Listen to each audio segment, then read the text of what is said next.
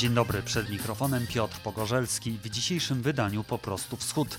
Mariusz Antonowicz z Wilna o litewskich wyborach parlamentarnych. Mariusz Marszewski o zamieszkach w Kirgistanie.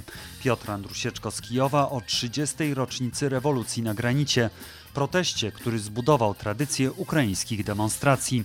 A na koniec Walentina Czubarowa o wystawie rosyjskiej karykatury, którą można obejrzeć na ulicach Warszawy, Krakowa i we Wrocławiu.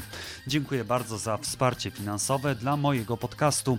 Dzięki niemu mogę realizować i mówić o tematach, które zarówno mnie, jak i Państwa interesują. Jeśli macie propozycje, proszę śmiało do mnie pisać, najlepiej na Facebooku. Zachęcam też do zajrzenia na playlistę po prostu Wschód na Spotify. Zaczynamy.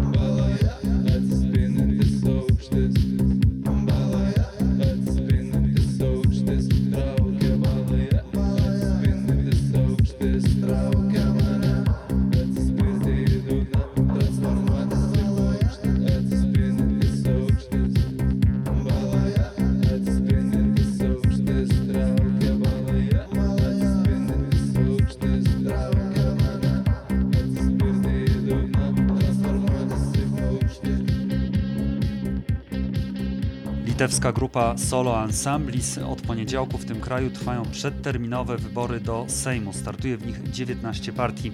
Łączymy się z Wilnem, gdzie jest Mariusz Antonowicz, wykładowca Uniwersytetu Wileńskiego. Dzień dobry. Dzień dobry. Porozmawiajmy krótko najpierw o tym, czym te wybory różnią się od poprzednich, bo tutaj duży wpływ na całą tę organizację ma epidemia koronawirusa. No oni różnią się oczywiście pod tym względem, że oni odbywają się w czasie epidemii i na przykład jeśli mamy przeterminowe głosowanie, jakby pierwsze wiadomości wskazują, że w tym roku dwukrotnie więcej ludzi głosowało przeterminowo niż dzień głosowania. Oczywiście mając na myśli, że oni chcieli o, o, ominąć lokale wyborcze w niedzielę, myśląc, że będzie bezpiecznie głosować przeterminowo. A druga rzecz, która sprawia ta, czym różni się ta kampania, te wybory od poprzednich, to jest, że to mamy w tym roku pierwszy raz w historii niepodległej Litwy, że może przetrwać rząd, że może ta sama partia może znowu zwyciężyć w wyborach parlamentarnych, bo zazwyczaj reguła jest, że po każdych wyborach władza przegrywa, że litewscy, litewscy wyborcy, Litwini zazwyczaj z reguły e, każą rządzących i zawsze szukają kogoś innego e, na każdych wyborach. No o czym to świadczy? Czy to świadczy o tym, że te władze sobie teraz dobrze dają radę i nie ma powodu ich zmieniać? To jakby powiedzieć, to są, to, to są dwa czynniki. Jeden to oczywiście, no, jak, jak mówią anglosasi, jest ten rally around the flag efekt, czyli w czasie kryzysu ludzie skupiają się wokół władzy i to my widzieliśmy w całej Europie, że jakby notowanie władzy wzrosły. No i jakby Litwa stosunkowo nieźle przetrwała tą pierwszą falę e, epidemii, to to jakby jest ten jeden czynnik. Drugi czynnik, który jest ważny, to jest, że no teraz już jak my mamy pogarszającą się sytuację i teraz sytuacja na Litwie jest, jest gorsza niż była e, wiosną, już mamy więcej aktywnych przypadków niż mieliśmy kiedykolwiek, ale władza w ogóle nie wprowadza żadnych ograniczeń, bo oni wyczuwają, że społeczeństwo nie chce słyszeć nic o drugiej kwarantannie, o drugim lockdownu, ciągle powtarza się, że to są ogniska, że to mamy wszystko pod kontrolą, no i jakby gra tymi emocjami społecznymi. I drugi i trzeci czynnik jeszcze dodałby, że opozycja nie do końca odważyła się konfrontować rząd na tej, na tej płaszczyźnie. No i oczywiście pandemia, co jest ważne, ona jakby przekreśliła to, co było wcześniej, to, co działo się 3,5 lata przed tą pandemią bo rząd ma dużo, ma, ma, ma mnóstwo kłopotów. To można wspomnieć i protest nauczycieli, to można wspomnieć różne skandale, które odbyły się w parlamencie, skandale korupcyjne, ale to wszystko jakby poszło na drugie, trzecie tło w obliczu tej pandemii. To to jakby ta pandemia trochę, jeżeli tak można powiedzieć, uczyściła biografię partii rządzącej i wyborcy trochę zapomnieli o tym, się, o tym, co się działo wcześniej. A co z reprezentacją Polaków, czyli AWPL, ZHR? Czy on ma szansę na wejście do Sejmu? Bardzo trudno jest przewidzieć, dlatego że sondaże nie wyłapują znaczy możliwości AWPL-u, bo jakby na Wileńszczyźnie, gdzie jest główna e, większość wyborców AWPL, no tam ta aktywność była zazwyczaj większa niż na całej na skali całego kraju, no ale w tym roku też, jeżeli można, można wyróżnić, czym różni się ta kampania od poprzednich i te wybory, że AWPL wszystkich poprzednich wyborach pozycjonowało siebie jako partię regionalną, jako partię etniczną, reprezentującą mniejszości narodowych, przede wszystkim Polaków. Natomiast i co skłaniało, że ona jakby trzymała się trochę z dystansu w, w stosunku do innych partii. I co gwarantowało, że ona jakby miała taką elastyczność negocjacji, że ona mogła być dobrym koalicjantem dla każdego rządu. Natomiast w tym roku widać bardzo taką wielką symbiozę akcji wyborczej Polaków na Litwie z partią rządzącą.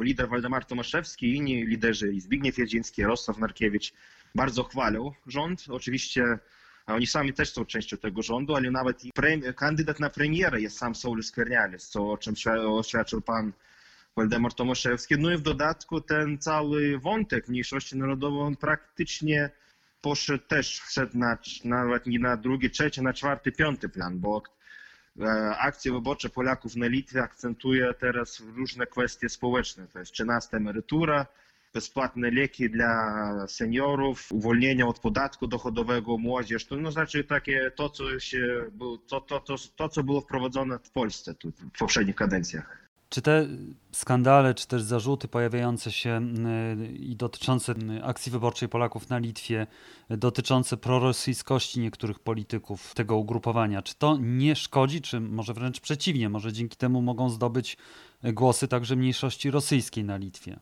No, warto mieć na uwadze, że te całe, ta, ta cała narracja prorosyjska, prokremlowska, bo jakby dotychczas e, jakby Waldemar Tomaszewski i akcje wyborcze Polaków na Litwie, oni próbowali grać konfliktem polsko-litewskim. Tylko ponieważ te stosunki bardzo znacząco polepszyły się i jakby nie ma, nie ma takiej partii, która wyraźnie jakoś chce ograniczyć prawa mniejszości narodowych, no nawet w tym Sejmie jakby. Jakieś małe postępy byli, ale, ale o jakichś większych ograniczeniach nie można mówić. To jakby oni zjawili się w takiej pustce. Oni trochę nie było czym mobilizować elektorat. To znaczy jest 3-3,5% na Wileńszczyźnie, w rejonach w takich bardziej wiejskich miejscowościach, gdzie oni zagłosują zawsze za nich. Natomiast problem był z takimi, powiedzmy, wyborcami w Wilnie i jakby brak tego, brak tego jakiegoś konfliktu, ostrzejszego takiego poczucia, że tutaj Litwinie nadchodzą, mogło sprawić kłopot. No i oni wykorzystali tą całą sytuację na Białorusi. To oczywiście oni sami wierzą w to, co mówią, ale z drugiej strony to jest taki, jak no, jeżeli można powiedzieć, yy, używając takiego określenia, taki proxy war, to znaczy oni tak na przykład wypowiadają się za Łukaszenkę i idą przeciwko litewskiemu mainstreamowi. I, I tak, i trzeba mieć na uwadze, że no, na Wileńszczyźnie być proputinowskim, prolukaszenkowskim nie jest grzechem, bo niedawno pojawiły się badania, które wskazują, że elektorat akcji wyborczej Polaków na Litwie najbardziej uf- ufa kremlowskim mediom, z, czy, czy to w telewizji, czy radiu, czy w internecie, że około dwóch trzecich wyborców akcji wyborczej Polaków na Litwie nie uważają, że to, nie, że to jest niewiarygodne źródło. Chciałem jeszcze o jedną rzecz zapytać y, o ten okręg jednomandatowy, okręg Litwinów Świata. Na czym to polega? Bo tam między innymi kandyduje minister spraw zagranicznych Litwy Linas Linkiewičius. To jest y, no, też postać y, dość znana w Polsce i też właściwie teraz tym bardziej znana w związku z tym, co się dzieje na Białorusi. Jakby bardzo dużo rozmawiano, e, jakby Litwa boryka się z ogromnym problemem em- emigracji. No jakby migracja sama sobie nie jest niczym złym, ale po prostu skala i jakby proporcjonalna część Litwy, ile Litwinów wyjechało, ile obywateli z Litwy wyjechało, no jest duża i ona jest, można powiedzieć, nawet zbyt wielka. No i powstało pytanie, jak ich wciągnąć w życie polityczne Litwy, żeby ich głos byłby słyszany. No i postanowiono w tym roku utworzyć, utworzyć ten oddzielny okręg dla nich. Natomiast nie przeceniałbym szans Linasa Linkiewiczusa, dlatego że tak on jest znaną osobą, ale zazwyczaj za granicą, bo wcześniej, wcześniej jakby emigranci głosowali razem z dzielnicą Nowego Miasta Wilna, to było połączone. I tam zazwyczaj wygrywali albo konserwatyści, albo liberałowie. I, teraz też trudno spodziewać się, żeby byłoby, żeby byłoby jakoś inaczej, a plus jeszcze mając na uwadze, że jeżeli, chociaż to już bardzo, bardzo, bardzo mało już jest tych, tych ludzi, ale na przykład tam emigracja w Stanach Zjednoczonych, w Australii, którzy jeszcze wciąż mają podwójne obywatelstwo, no oni byli nastawieni tak antykomunistycznie i oni jeszcze mogą pamiętać, że pan Linas Linkiewicz był w czasach radzieckich w, koms, w Komsomole, to, to jakby póki co nie przewiduje, nie przewiduje, żeby to żeby to mogłoby się zmienić. Ale w ogóle no, całe jest sedno litewskich wyborów, że oni są trochę trudne do przewidywania, bo mamy w ogóle 71 okręgów jednomandatowych i trudno przewidzieć, jak każdy region, każda dzielnica przegłosuje, bo to ani sondaży przeprowadzić, to tylko jakieś ludzie, którzy są w terenie, mogą to wyczuć ostatecznie. No ale rozumiem, że główny dzień wyborów to jest niedziela. Niedzielę, niedzielę to jest wy, wy, wy, wybory, to znaczy, ale to jest pierwsza tura, gdzie my wybieramy, znaczy 70 posłów w okręgu wielomandatowym, gdzie są listy i są oni wybrane proporcjonalnie, to jest połowa parlamentu wybrana. Wtedy mamy okręgi jednomandatowe, 71 z nich i wtedy jeszcze za dwa tygodnie, 25 października, odbędzie się druga tura w okręgach jednomandatowych. Tam będą zazwyczaj, jeżeli ktoś nie zbiera więcej niż 50%, to dwóch pierwszych kandydatów jeszcze idą na, na powtórną rywalizację między sobą. Czyli tak nam ostatecznie no, już kto będzie rządził, a całą arytmetykę, kto ile ma mandatów, dowiedziemy się pod koniec października. To będzie 25, to już będzie wieczorem 25 października, będzie wiadomo, kto ile mandatów zdobył. No, czyli długa jeszcze przed nami, przed Litwą droga. Mariusz Antonowicz, wykładowca Uniwersytetu Wileńskiego. Dziękuję bardzo. Dziękuję.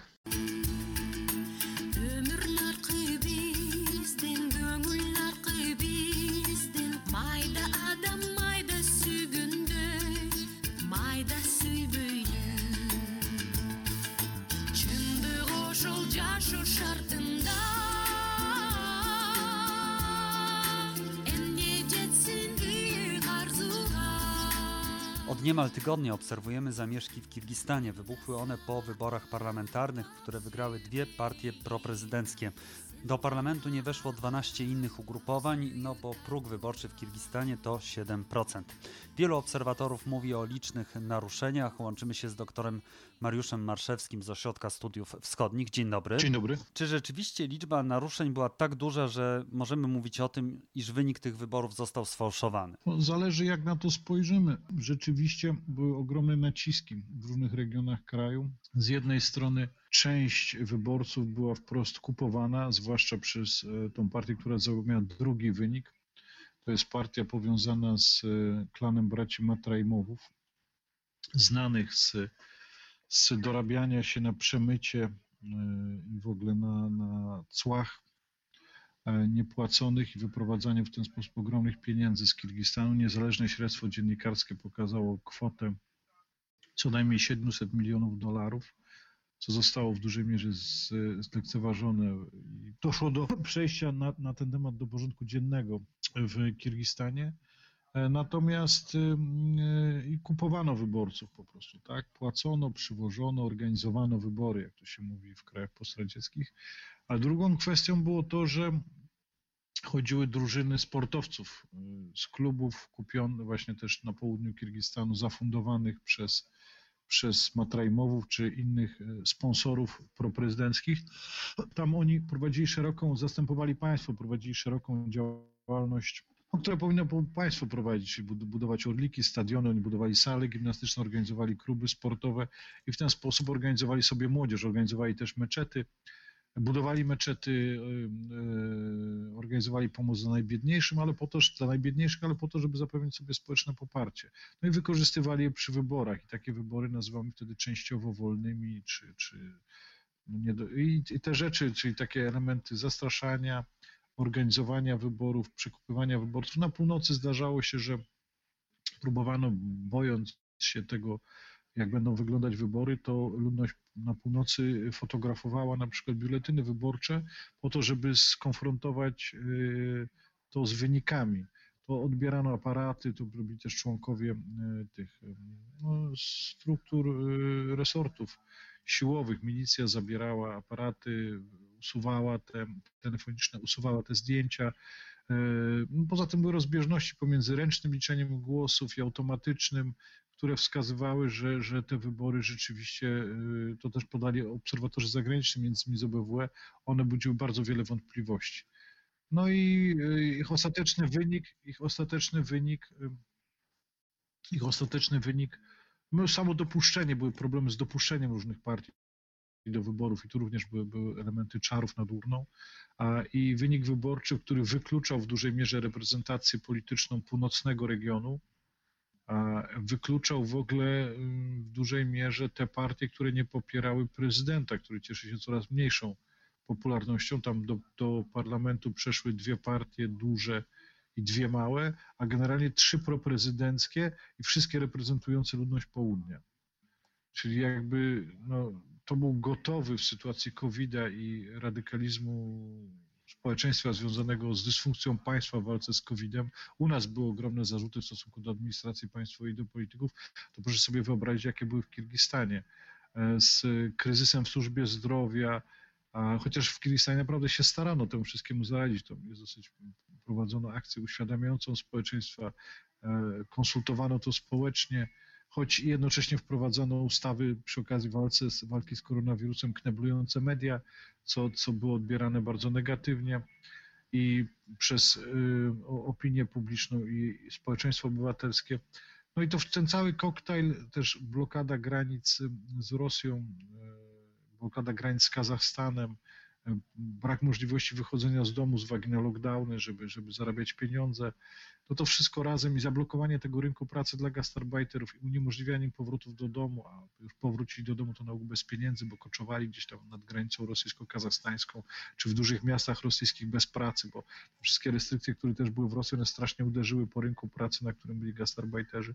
To wszystko razem spowodowało ogromną radykalizację ludności, czyli w sytuacji, kiedy ona nawet miała nie mieć swojego reprezentacji politycznej i okiem nieuzbrojonym było widać, że jest to próba budowy normalnego dla Azji Centralnej normalnego w cudzysłowie oczywiście, systemu autorytarnego, w którym prezydent dostaje do ręki kieszonkowy parlament, no to spowodowało, że z łatwością polityką północy i odsuniętym od władzy polityką południa udało się zmobilizować yy, tłumy do, do, do rewolucji, w której zginęła jedna osoba, a około 600 zostało rannych. No właśnie, ale z czego to wynika, jeżeli popatrzymy na Azję Centralną, że jednak no, Kirgistan jest takim państwem, gdzie regularnie właściwie dochodzi do e, tego rodzaju wydarzeń, tego rodzaju rewolucji, bo no, dla nas jednak z, z punktu widzenia Polski jest to mniej więcej jeden obszar.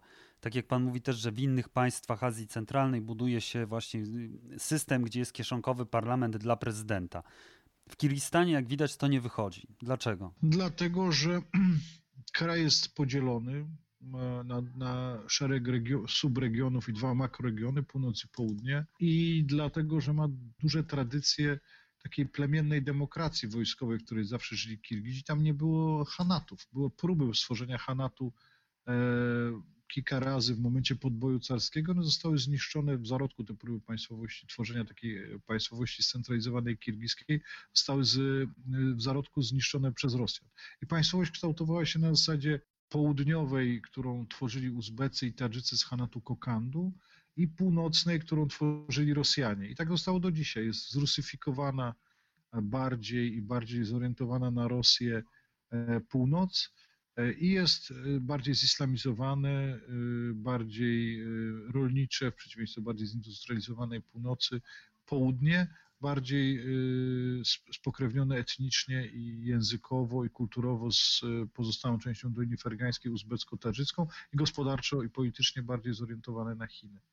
No i tak w dużej mierze zostało i i, I, przy czym to są bardzo zdecentralizowane struktury, a jednocześnie cały czas w Kirgistanie od 1991 roku e, instytucje państwowe są dosyć słabe.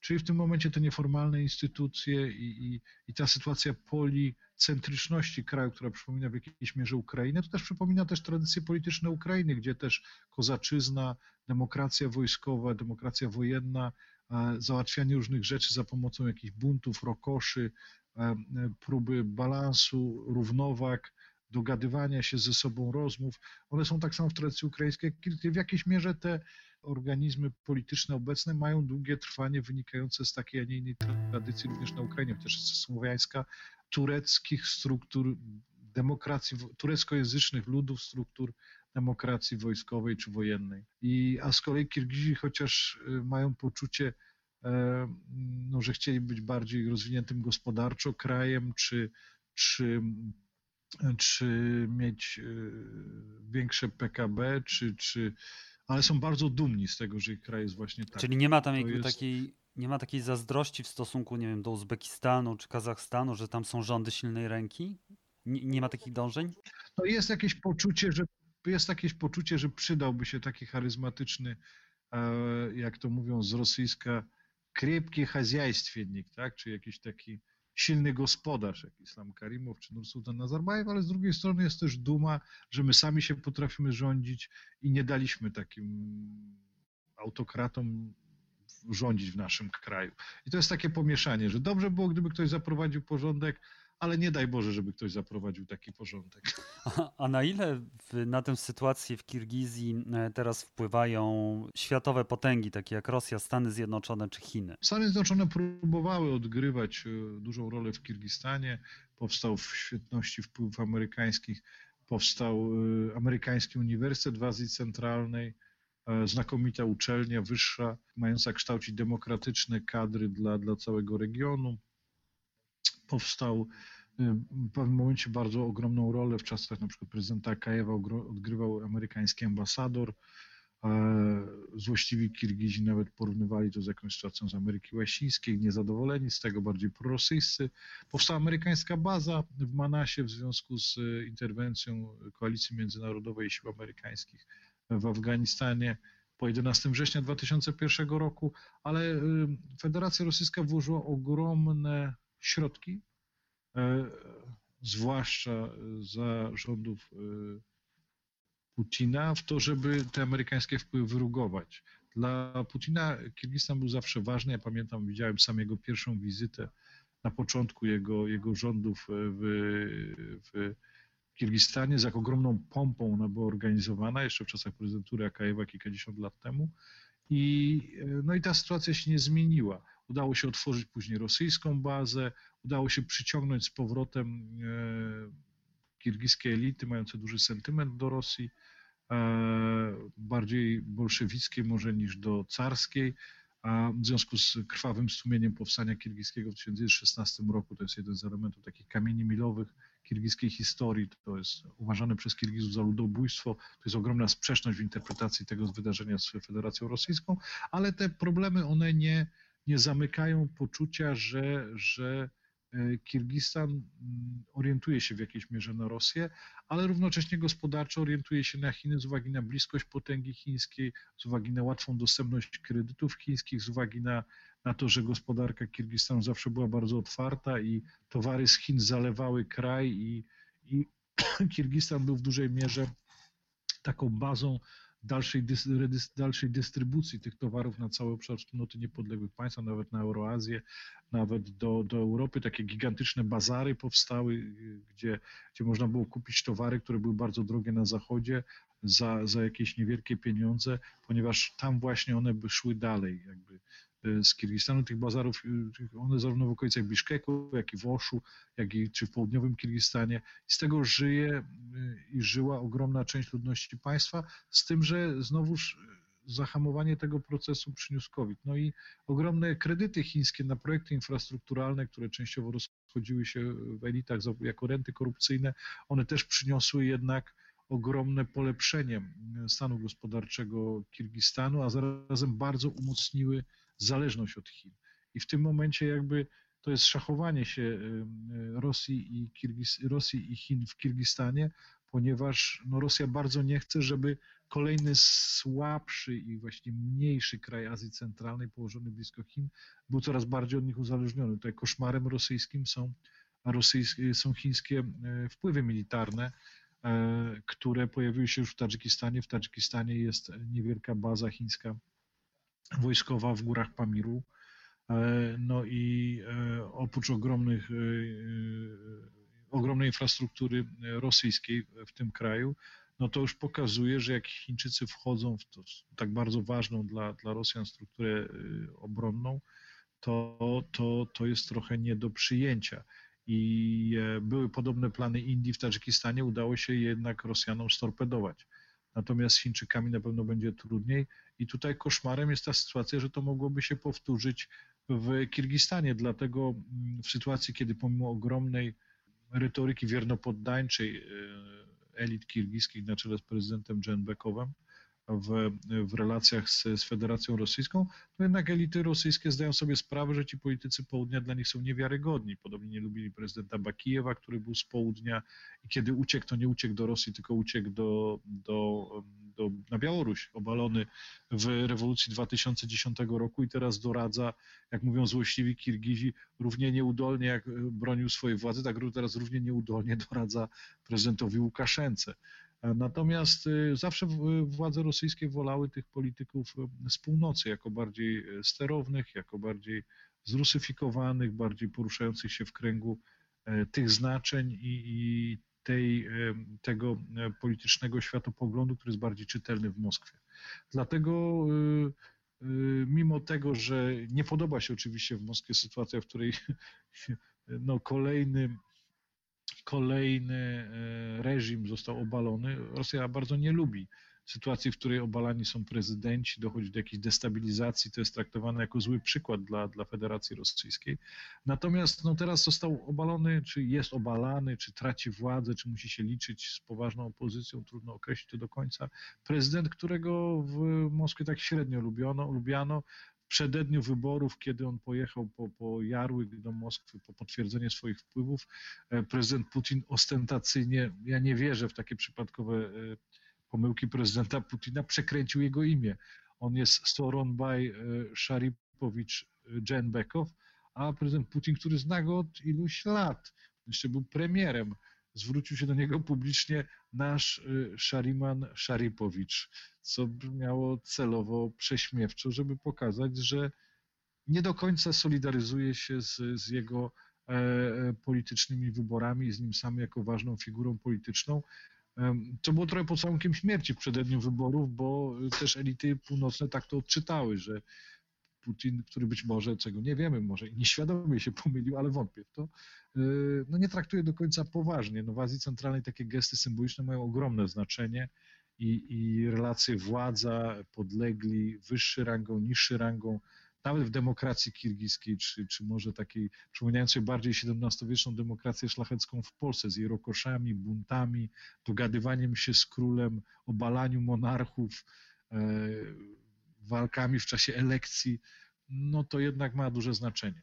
Która z tego wynika? Będziemy to obserwować, bo sytuacja tam jest bardzo ciekawa. Doktor Mariusz Marszewski, Ośrodek Studiów Wschodnich, dziękuję bardzo. Dziękuję bardzo.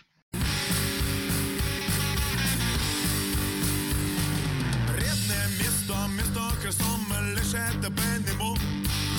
Де стіни гарних домів, балкони на тих домах. А я іду, гукаю тебе гуляти до зорі. І ми саме гуляємо.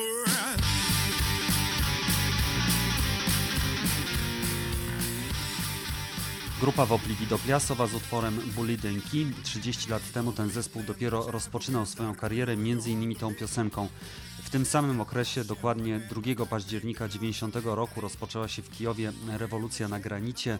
Studenckie protesty, które trwały ponad dwa tygodnie i doprowadziły m.in. do dymisji ówczesnego premiera Ukraińskiej Socjalistycznej Republiki Radzieckiej Witalia Masoła. Łączymy się z Kijowem, gdzie jest Piotr Andrusieczko z portalu Outriders, współpracownik Gazety Wyborczej. Dzień dobry. Dzień dobry. O tych wydarzeniach mówimy rewolucja. Jak wyglądały te protesty sprzed 30 y, lat? Bo wtedy chyba po raz pierwszy pojawiły się namioty na Placu Niepodległości. Wówczas zresztą się nazywał Plac Rewolucji Październikowej. Tak, rzeczywiście pojawiła się ta, możemy to tak nazwać trochę w cudzysłowie, technologia i taki symbol ukraińskich protestów, y, czyli namioty. One nie pojawiły się od razu, to znaczy y, dlatego, że sam protest zaczął się, tak jak wspominałeś, 2 października i on rozpoczął się o godzinie 10. Wtedy pojawili się pierwsi e, studenci, kilkudziesięciu studentów, którzy przyszli na ten plac e, z, z plakatami w rękach, e, siedzieli w śpiworach do wieczora. Tak naprawdę to była trochę taka wojna nerwów, to, bo było mnóstwo milicji się oczywiście pojawiło, natomiast ona nie reagowała. I dopiero gdzieś chyba o godzinie 20 podjęto decyzję o rozstawieniu namiotów. Pojawiły się namioty, a już o północy e, władza, która się wahała przez ten cały dzień, e, jakby trochę zalegalizowała w pewien sposób, e, czy władze miasta Kijowa zalegalizowały ten proces, protest, ponieważ zezwoliły na przeprowadzanie takich niesankcjonowanych akcji bez wcześniejszej zgody w czterech miejscach stolicy Ukrainy. Ale chyba najważniejsze, co trzeba powiedzieć, bo dlatego właśnie skąd się wzięły te namioty i w ogóle jak rozpoczęła się ta akcja, to znaczy tutaj każdy element tej, tego protestu był przemyślany pół roku wcześniej został opracowany każdy właśnie taki szczegół, łącznie z tymi namiotami i wszystkie późniejsze te, te takie elementy, które występowały w trakcie tego ponad no, dwutygodniowego, 15-dniowego protestu. A przemyślane to znaczy w jaki sposób? Czy była jakaś grupa inicjatywna, która się tym zajmowała? Kto kierował tym protestem? Była taka grupa inicjatywna. Były dwie organizacje studenckie, jedna z Kijowa, druga z Lwowa, niezależne, które podjęły decyzję o przeprowadzeniu tego protestu, ale tak naprawdę za całą taką taktyką opracowanie tej taktyki stał szef e, Związku e, Studentów Ukraińskich z Kijowa, Aleksandr Doni, który właśnie opracował każdy, każdy ten, ten element. On mówił, jak miałem okazję z nim rozmawiać niedawno na ten temat i opowiadał, że rzeczywiście to było trochę tak jak opracowanie takiej operacji wojskowej. Jeszcze jest taka ciekawostka, że jego dziadek kończył Akademię Sztabu Generalnego i jak w dzieciństwie po prostu jakby uczył właśnie taktyki wojskowej i strategii e, wojskowej e, do NIA i rzeczywiście on rozpisał każdy taki element, e, przewidując również reakcję władz i więc jakby tutaj, tutaj to, ta taktyka została opracowana przez niego. Natomiast on też jest autorem trzech z pięciu postulatów tej, tej akcji. Dwa następne zostały przewiezione przez e, Zelwowa. Tam liderem był Markian Iwaszczyszyn e, Studenckiego Bractwa e, Lwowa. Żeby krótko, krótko mówiąc o co chodziło w tych postulatach. Dla Donija najważniejszy postulat to były ponowne wybory. Dlatego, że te ponowne wybory miały doprowadzić do zniesienia komunistycznej władzy i zastąpienia ją demokratyczną. Natomiast sama dymisja premiera Masoła została przywieziona z Lwowa. Przywieziony został z Lwowa również y, punkt dotyczący tego, że Ukraińcy mogą służyć wyłącznie na terytorium Ukrainy. Natomiast Doni jeszcze, jeszcze, pisał, jeszcze wpisał w te, w te punkty ważny postulat dotyczący tego, że Ukraina nie może podpisać y, nowej umowy związkowej. Wtedy w 90 roku Gorbaczow występował z taką inicjatywą, żeby właśnie te republiki Związku Radzieckiego odnowiły tą umowę e, związkową. E, czyli miało nastąpić takie przeformatowanie państwa e, radzieckiego. I trzecie, tak jak tutaj wspomniałem, ważniejszy ten punkt dotyczył wyborów ponownych, ale Doni uważał też, że powinny być wprowadzone równe warunki dla, dla wszystkich uczestników takich wyborów, czyli nacjonalizacja majątku Komunistycznej Partii Ukrainy. No i na ile udało się zrealizować te postulaty? Bo rozumiem, że ta rewolucja no, zakończyła się pewnym sukcesem, jednak władza w Kijowie i zapewne także w Moskwie uległa tym studentom, tym, którzy protestowali. Rzeczywiście wydaje się, że to jest chyba jedyny protest w historii Ukrainy, no, który zakończył się sukcesem, to znaczy w tym sensie, że władza ustąpiła dosyć szybko jednak pod, e, pod wpływem protestującej ulicy, ale to chyba co najważniejsze, bo cały czas podkreślałem, bo to trzeba podkreślać, że to była akcja przeprowadzona od początku, zaplanowana, przeprowadzona zakończona przez studentów. Więc tutaj nie brali w niej udziału ta taka dorosła opozycja, która już znajdowała się w parlamencie, czyli y, przedstawiciele takiej najliczniejszej organizacji politycznej y, opozycyjnej ruchu. Mało tego, oni nawet występowali przeciwko niektórym punktom, jak, jak y, ponowne wybory, wybory parlamentarne. Natomiast rzeczywiście, no jeżeli mierzyć to w, w, kategoriach spełnienia tych, wypełnienia tych postulatów, no to tutaj ten sukces był częściowy trzy postulaty zostały spełnione y, całkowicie, czyli właśnie dymisja premiera Masoła, y, to, że rzeczywiście podjęto decyzję o tym, że Ukraińcy mogą służyć wyłącznie na terytorium y, swojego kraju. Trzecia kwestia, którą udało się zrealizować w pełni, to rzeczywiście odmowa Ukrainy od podpisywania nowego układu związkowego. Podobno by było tak, że na spotkaniu Gorbaczowa z Krawczukiem Krawczuk który był wtedy przewodniczącym e, Rady Najwyższej, jeszcze e, radzieckiej, Rady Najwyższej, Ukraińskiej Radzieckiej Rady Najwyższej, e, mówił, że nie może właśnie podpisać takiego nowego układu związkowego, no ponieważ jest uchwała w związku z wypełnieniem tego postulatu protestujących studentów. Natomiast częściowo, tylko częściowo udało się wypełnić dwa, dwa postulaty, te najważniejsze z punktu widzenia Donija, czyli owszem, powołano komisje Y, które miały zająć się organizacją wyboru, a dokładnie y, chodziło o przeprowadzenie w ciągu, w ciągu najbliższego roku referendum w tej sprawie. Druga komisja dotycząca właśnie nacjonalizacji y, majątku struktur komunistycznych w Ukrainie. No i niestety tego nie udało się doprowadzić do końca, dlatego że no tutaj na przeszkodzie stanął brak poparcia ze strony właśnie tej opozycji parlamentarnej ruchu, który ewidentnie widać nie był wtedy zainteresowany nowymi wyborami. Odoni też mówi, że gdyby wtedy uczestnicy tej rewolucji wykazali większą stanowczość, to losy Ukrainy zupełnie by inaczej się potoczyły. To znaczy by się tak potoczyły jak krajów nadbałtyckich. Czy rzeczywiście można tak powiedzieć? Bo wydaje się, że no, nawet w czasach schyłku Związku Radzieckiego to i tak tego rodzaju protesty y, w takim kraju jak Ukraina, y, można je jednak uznać za sukces, no jednak władza uległa. Pytanie, czy można było iść dalej? Jak ja rozumiem, to tutaj jakby tym kluczowym momentem, który, y, którego właśnie nie zabrakło, to jest to, co już mówiłem. To znaczy Doni uważa, że jeżeli udałoby się przeprowadzić te wybory po tych protestach, to rzeczywiście Ukraina mogłaby podążyć inną drogą. Inna droga to jest dosyć prosta, bo y, w zasadzie wszyscy uczestnicy, uczestnicy tej rewolucji, z którymi rozmawiałem, oni pokazywali wtedy przykład Polski. To znaczy, że byłaby szansa na to, że w tym 90 roku Ukraina właśnie by podążała taką drogą swoich sąsiadów, no Polski, Czechosłowacji. Y, więc chyba głównie o to chodziło. Ja nie wiem, na ile to było realne, ale rzeczywiście y, to, że takie wybory nie odbyły się, a odbyły się dopiero w 1994 roku. No jednak trochę wydaje się, że mm, zastopowały mm, Ukrainę. Ukraina owszem odzyskała, ogłosiła niepodległość 24 sierpnia 1991 roku, ale tym niemniej przez kolejne lata rządził, no, władzę sprawowała tak naprawdę ten stary, stary układ polityczny wywodzący się jeszcze z czasów właśnie radzieckich, więc być może tak, być może jeżeli by się udało zrealizować ten postulat no to możliwe, że ta droga Ukrainy wyglądałaby trochę inaczej. Czy my możemy powiedzieć, że y, ta rewolucja zadała ton następnym rewolucjom, które były na Ukrainie? Bo właściwie analogie no, no są widoczne, takie zewnętrzne, ale czy to rzeczywiście jakby y, no, pokazało, że w ten sposób trzeba działać na Ukrainie? Tego rodzaju mm, protestami, protestami masowymi, to protestami na Majdanie też z namiotami, bo to już się przejawia chyba w, każdym, y, w każdej rewolucji na Ukrainie. No rzeczywiście, po pierwsze ten y, namiot stał się symbolem, po drugie same miejsce też, tak, jakby tutaj każdy protest, y,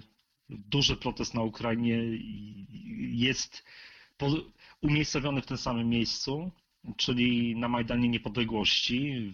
W 90 roku, tak jak wspomniałeś, był to plac rewolucji październikowej.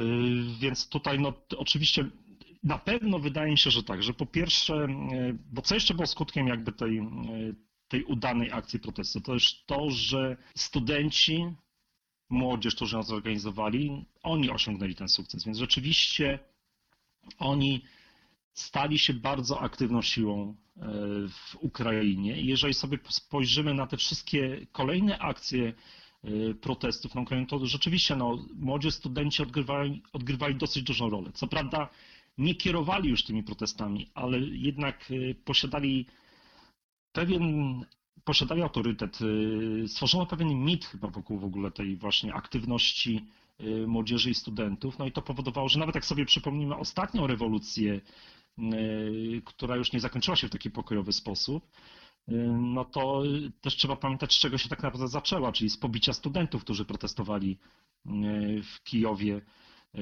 podczas tego swojego Euromajdanu. To jest chyba ważny, ważny element, czyli ta aktywność właśnie młodzieży podczas tych ukraińskich protestów, wszystkich już kolejnych ukraińskich protestów, bo też jest ważne chyba to, że w zasadzie wszyscy, no niemal wszyscy, bo pewnie 100% nie, ale uczestnicy tej rewolucji na granicie byli uczestnikami kolejnych dużych akcji protestów, czyli e, włączając to właśnie e, Ukraina bez kuczmy, która rozpoczęła się pod koniec grudnia 2000 roku i trwała do marca 2001 roku. Tam też było miasteczko, dwa razy rozbijane miasteczko namiotowe, raz na Majdanie, a później już na Chreszczatyku, to na Chreszczatyku zostało w zasadzie siłą rozgromione.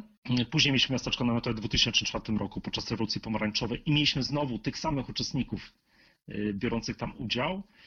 I tak samo brali oni udział w tej ostatniej rewolucji, rewolucji godności na Ukrainie. Więc rzeczywiście wydaje się, że że to jest pewne doświadczenie, które takie pokoleniowe, które, które było też przekazywane podczas tych kolejnych, kolejnych protestów. Piotr Andrusieczko z Kijowa, z portalu Outriders, współpracownik Gazety Wyborczej. Dziękuję bardzo. Dziękuję. Если мне платили каждый раз, каждый раз, когда я думаю о тебе, я бы бомжевала возле трасс, я бы стала самой бедной из людей.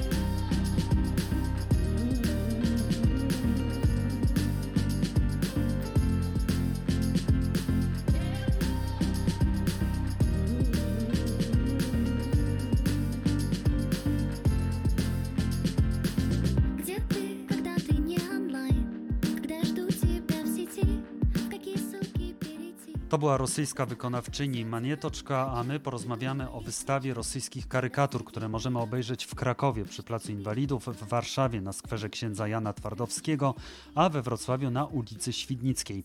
Jest z nami organizatorka wystawy Walentina Czubarowa. Dzień dobry. Dzień dobry. Wystawa nosi tytuł 20 lat Putina na ostrzu ołówka.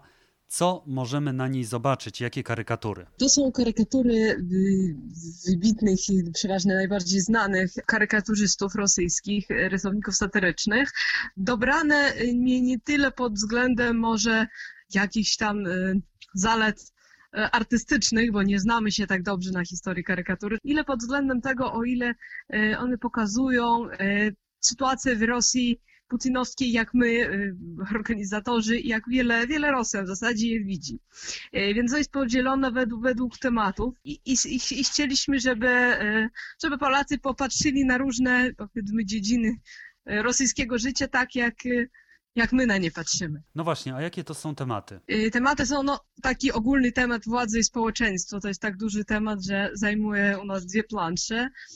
Jest temat sądownictwo, media i cenzura, Putin, Miedwiediew, e, opozycja i protesty, koronawirus i y, może coś, y, może coś mi umknęło, ale jest jeszcze takie y, Rosja to stan umysłu, czyli po rosyjsku to miało być umum Rosji nie panieć. A jaki obraz Rosji się wyłania z tych karykatur? Bo wydaje mi się, że no niezbyt pozytywny. Nie chodziło nam o to, żeby był y, obraz jakiś pozytywny czy negatywny. Chodziło nam o taki, taką różnorodność, jaka jest.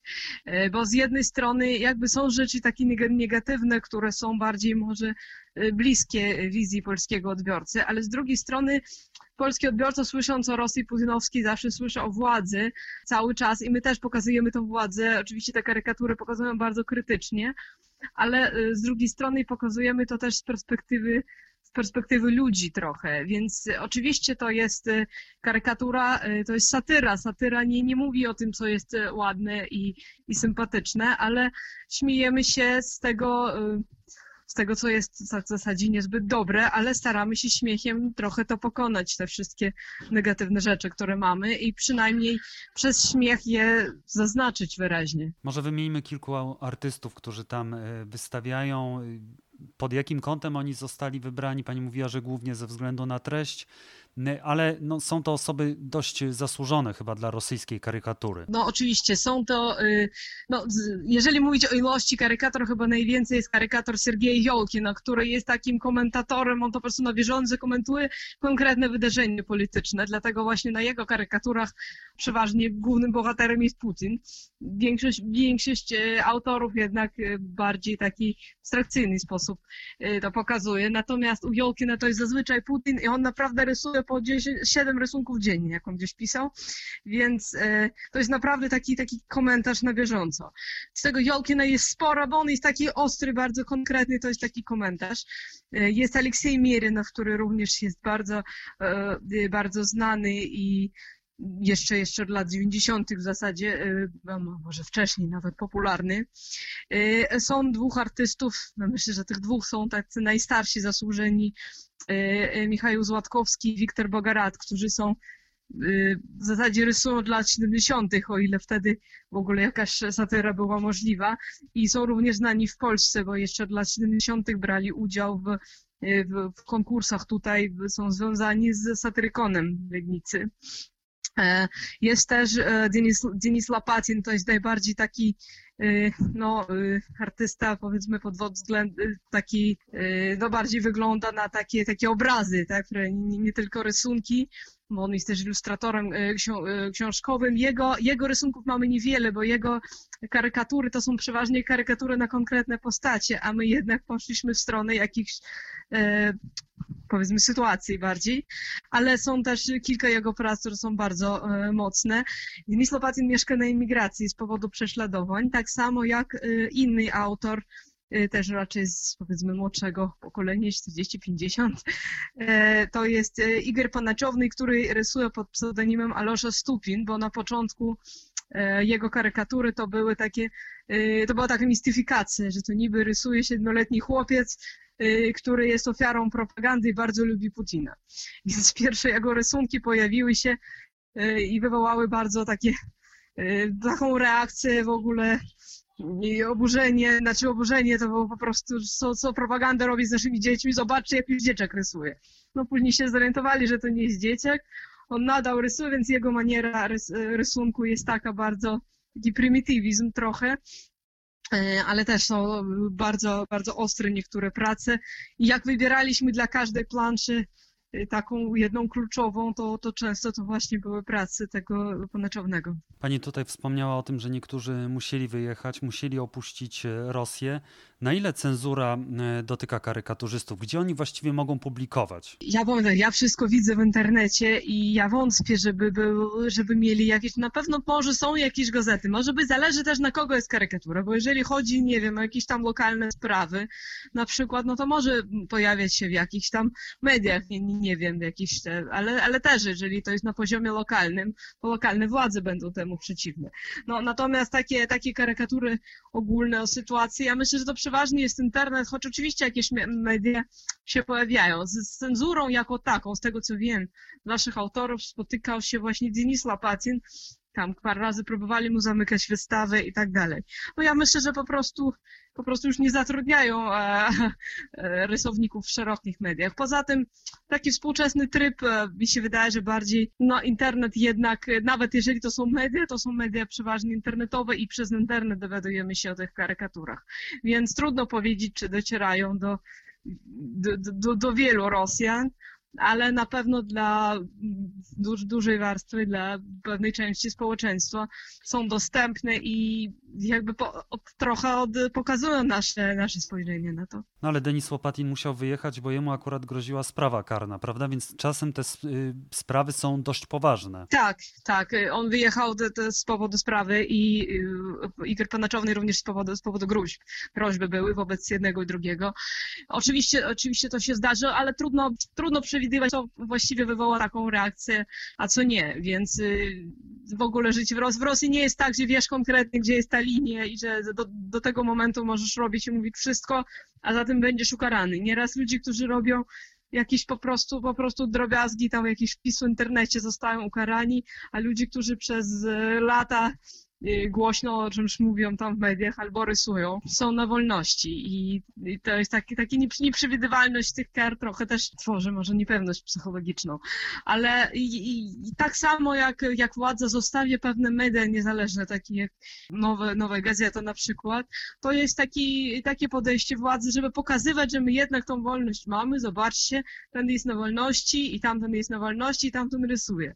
Więc y, mi się wydaje, że bardziej jest polityka taka, żeby ograniczać y, dostęp, e, dostęp widzów e, do, do publiczności, powiedzmy, odbiorcy do tych rysunków, niż karać karykaturzystów, bo jednak każda, każda, taka, każda taka sprawa to jest ten efekt Streisand, prawda? To robi też reklamę.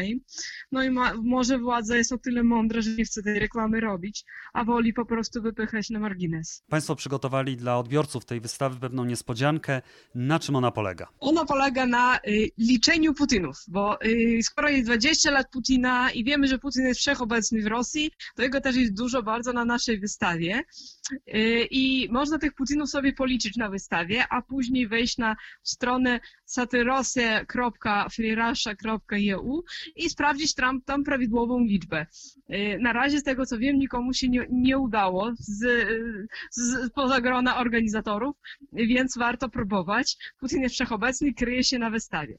A na, na tej stronie, przy okazji też powiem, za, już za parę dni, mam nadzieję, ruszy y, sprzedaż gadżetów z, z tymi rysunkami. Można będzie sobie zamówić y, kubek albo, albo kalendarz, albo coś innego z wybranym rysunkiem, a środki zgromadzone pod, podczas tej sprzedaży zostaną przekazane dla Stowarzyszenia Memoriał na rzecz rosyjskich więźniów politycznych. Walentina Czubarowa ze Stowarzyszenia za Wolną Rosję, organizatorka wystawy 20 lat Putina na Ostrzu Ołówka. Dziękuję bardzo.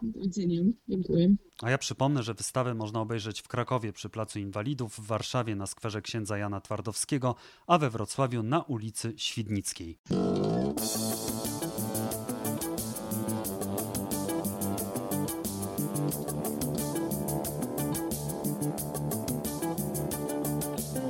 To już wszystko w tym wydaniu podcastu Po prostu Wschód. Jeszcze raz serdecznie dziękuję wszystkim za wpłaty w serwisie zrzutka.pl. Zachęcam także innych, którym podoba się podcast, do wsparcia. Można to zrobić klikając bezpośrednio na link, który znajduje się w opisie tego podcastu albo wpisując w serwisie zrzutka.pl po prostu wschód. Przypominam też, że wszystkie utwory, które słyszycie Państwo we fragmentach w tym podcaście, można znaleźć na Spotify w playliście o nazwie Po prostu wschód. Do usłyszenia za tydzień. Żegna się z Państwem Piotr Pogorzelski.